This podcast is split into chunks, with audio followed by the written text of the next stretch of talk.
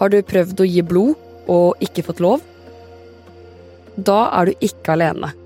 Og det er én gruppe i samfunnet som har fått flest nei. Og det er menn som har sex med menn. Men i 2024 vil det endre seg. For da blir reglene for blodgivning for homofile og heterofile de samme. Men hvorfor har det tatt så lang tid? Du hører på Forklart fra Aftenposten. Denne sommeren går vi i dybden på to nyhetssaker i uka. I dag om hvorfor menn som har sex med menn, ikke har kunnet gi blod. Jeg heter Jenny Førland, og i dag er det tirsdag 4. juli.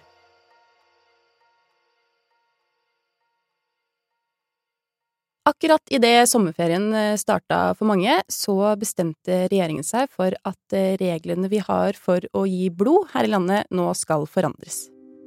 Ninni Bjørlo Lærum er journalist her i Aftenposten. Denne regelendringen gjør at eh, homofile skal kunne gi blod, og det da på samme måte som heterofile har kunnet gjøre i veldig mange år allerede.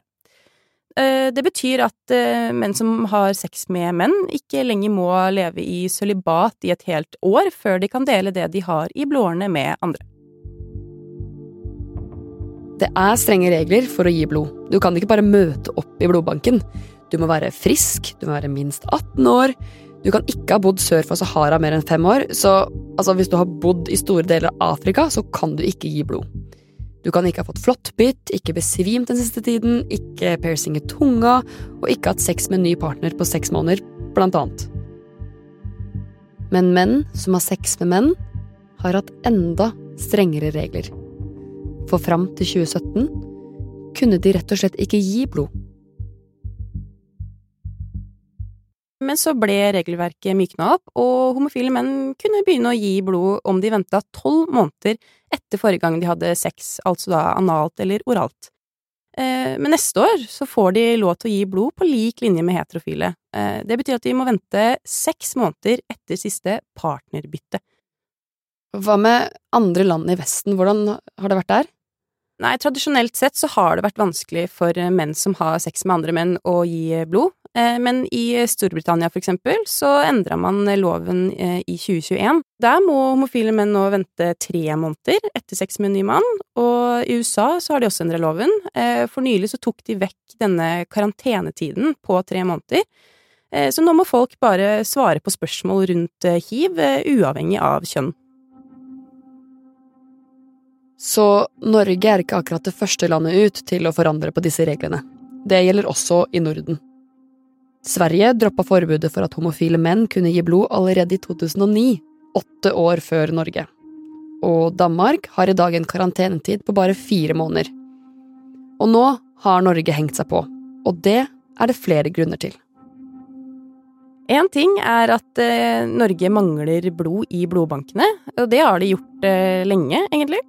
En annen ting er at man eh, har fått eh, oppdatert kunnskapsgrunnlaget, rett og slett. Eh, og fordi risikoen for smitte ikke er noe høyere for homofile menn som lever i monogame forhold, sammenligna med heterofile, så ser man heller ikke noen grunn til at legning skal ha noe å si for om du får lov til å gi blod eller ikke. Så det handler nå om hvorvidt du har hatt andre sexpartnere de siste seks månedene. Skeive har også lenge pekt på at reglene vi har i dag er urimelige, det var også en av grunnene til at helsemyndighetene ville se på om det var mulig å gjøre noe med reglene, og nå mener de at eh, endringene er faglig begrunna. Og så har man eh, i dag bedre kontroll på hvem som har hiv i Norge. Og eh, helsemyndighetene mener at systemene de har i dag, danner et godt grunnlag for trygg blodgivning, også i tida framover. Men selv om vi vet mye om hiv i Norge i dag, så er det en grunn til at reglene ble som de ble. For 40 år siden skjedde det noe på norske sykehus som førte til at myndighetene måtte ta drastiske grep.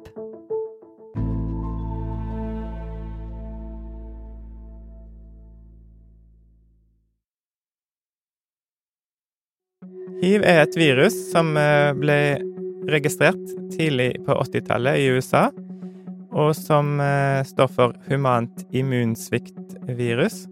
Pål Vegard Hagesæter er journalist i A-magasinet og har skrevet bok om den norske aids-epidemien. Det er et virus som eh, gradvis svekker kroppens immunforsvar, Sånn at eh, hvis en går lenge med dette viruset, så vil en til slutt utvikle sykdommen aids, som er dødelig. Og dette viruset førte til veldig mye frykt. Folk ble veldig redde for å få det. For på starten av 80-tallet traff denne frykten også Norge. Og ikke helt ubegrunna. For etter hvert så innså myndighetene noe veldig dramatisk. Flere pasienter som lå på operasjonsbenken på norske sykehus, som fikk blodoverføring, ble nå infisert med hiv. Tidlig på 80-tallet, når denne, dette viruset akkurat var kommet til Norge, så oppdaga en en del eh, personer som eh, var heterofile, som ikke hadde noen av de typiske kjennetegnene på hiv-positive. De var ikke i risikogruppene. Og når hun undersøkte nærmere, så fant hun ut at de personene hadde fått viruset gjennom blodoverføring på norske sykehus. De hadde vært innlagt til rutineoperasjoner og fått tilført blod fra blodgivere. Og det viste seg da at flere av eh, blodgiverne var homofile menn som hadde hiv. Totalt var det 16 personer som ble smitta gjennom blodoverføring, og folk ble rasende. Derfor ba myndighetene homofile om å ikke gi blod. I tillegg så fikk de etter hvert på plass testing, sånn at de kunne teste blodet før det ble gitt videre til mottakerne. Men helt i begynnelsen, når dette skjedde, så hadde de ingen tester. Men hvorfor gjaldt det akkurat menn som har sex med menn, da? Det var jo et virus som oppsto i homofile miljøer, og hele tida har vært eh, mest utbredt der. Eh, det har vært en kultur i flere homofile miljøer med mange partnere og mye tilfeldig sex, som har bidratt til spredning av viruset. Men ikke bare. Eh, det var jo flere heterofile som ble smitta, eh, og mange i rusmiljøet som delte sprøyter. Eh, så det var jo en sykdom som i teorien kunne smitte alle. Eh, men de som ble rammet hardest, var menn som hadde sex med menn, og derfor fikk òg denne sykdommen tilnavnet homopesten. Aids-epidemien skremte hele verden, og mange ble smitta. Dansere, modeller, politikere og idrettsstjerner ble ramma.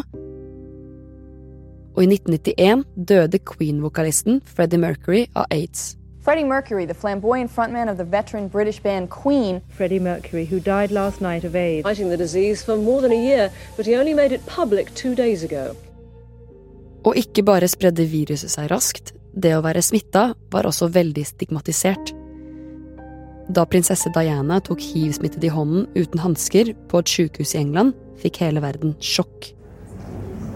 She met the staff and the nine patients and shook hands with them all. It was a moment which lasted a matter of seconds. But when Princess Diana shook the hand of a man dying of AIDS in 1987, she showed in a single gesture that this was a condition which needed compassion, not fear. Det var ingen medisiner mot sykdommen på den tida, og aids var en dødsdom for de aller fleste. Og også her i Norge døde folk, men det var veldig få som sto fram med navn. Og så var det i begynnelsen en sykdom som en ikke helt visste hvordan smitta. Eh, det var mye kunnskapsmangel i begynnelsen. Eh, folk frykta at det kunne smitte hvis du for eksempel drakk av samme kopp eller eh, delte toalett med en person som var smitta. Så mm, kombinasjonen av en grusom sykdom og mangel på kunnskap førte til mye frykt og hysteri. Og det som sto fram eh, som smitta, var det flere eksempler på at folk eh, mista jobben. Eh, de ble nærmest utstøtt, og det ble en pariakaste. Først i 1996 kom det medisiner som kunne holde hiv-viruset i sjakk. Innen den tid var titusener døde, og i Norge hadde allerede flere hundre dødd. I dag så så er medisinene forbedra drastisk. En trenger bare ta én tablett om dagen for å holde dette viruset i sjakk. Og i tillegg så er det sånn at hvis en er på vellykka behandling, så er en i praksis smittefri. Noe som òg har gjort det at smittetallene har gått eh, betydelig ned i det siste. Men det er fortsatt mye stigmatisering og fordommer rundt sykdommen, og vanskelig for mange å være åpne om at eh, de eventuelt har viruset. Men resten av verden, da? Hvordan lever de med hiv? For eksempel i det sørlige Afrika, sør for Sahara, så er jo aids fortsatt et eh, enormt problem. Eh, hiv og aids, det er mange som dør av det hvert år, og det er stor eh, mangel på tilgang til medisiner. Så det har vært en stor strid rundt om legemiddelselskapene tar for mye betalt for de hiv-medisinene, og om de kan få tilgang til medisiner til alle. Så selv om det òg er tegn til bedring der, så er hiv og aids et eh, enormt globalt problem fortsatt. Hvorfor har ikke reglene for blodgivning blitt endret før nå, da? Nei, det tror jeg handler om eh, at det er to ulike grupper å ta hensyn til her. På den ene sida så har du de som skal motta dette blodet. Eh, de er jo veldig opptatt av å få blod som ikke inneholder smitte, naturlig nok. På den andre sida har du homofile som kanskje ønsker å gi blod, men som ikke har fått uh, lov. Og så tror jeg kanskje myndighetene har tenkt at det er ikke en menneskerett å gi blod. Det er ingen som uh, får et uh, vondere liv av ikke å kunne gi blod, og derfor har de veid hensynet til mottakerne tyngst, og det har trumfa den homofile giveren. Bare for å ha det sagt, hvis du utvikler aids i dag, kan du fortsatt dø men de aller fleste som blir smittet med hiv i Norge, kan leve ganske greit med det. Og som sagt, norske myndigheter har ganske god kontroll på hvem som har hiv i dag, så risikoen for at noen blir smitta gjennom blodoverføring, er lav. Så mange skeive mener at dette er en milepæl i homokampen i Norge. Dette var kanskje et av de siste eksemplene på at myndighetene forskjellsbehandler, men det finnes nok innen flere eh, trossamfunn eksempler på at homofile i parforhold ikke kan bli ansatt. Og i Den norske kirke vet vi at det fortsatt er en del som ikke ønsker at homofile skal få lov til å gifte seg i kirka, eksempel. Så det finnes fortsatt eksempler på, på det, selv om eh, blod var en av de siste områdene når det gjelder det offentlige.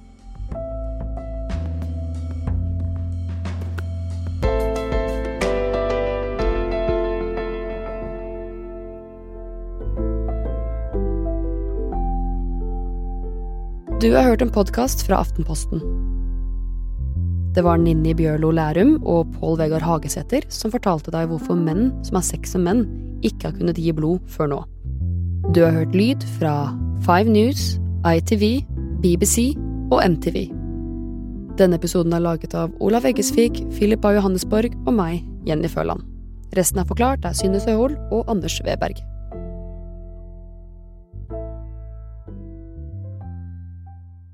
Angrepet 25.6 i fjor kunne ha vært eh, avverget. Og til slutt så vil dette trolig påvirke krigen, og da særlig Ukrainas planer. Den norske kronen den ligger nå på intravenøs behandling. Den er ekstremt svekket. Den har det fælt, rett og slett.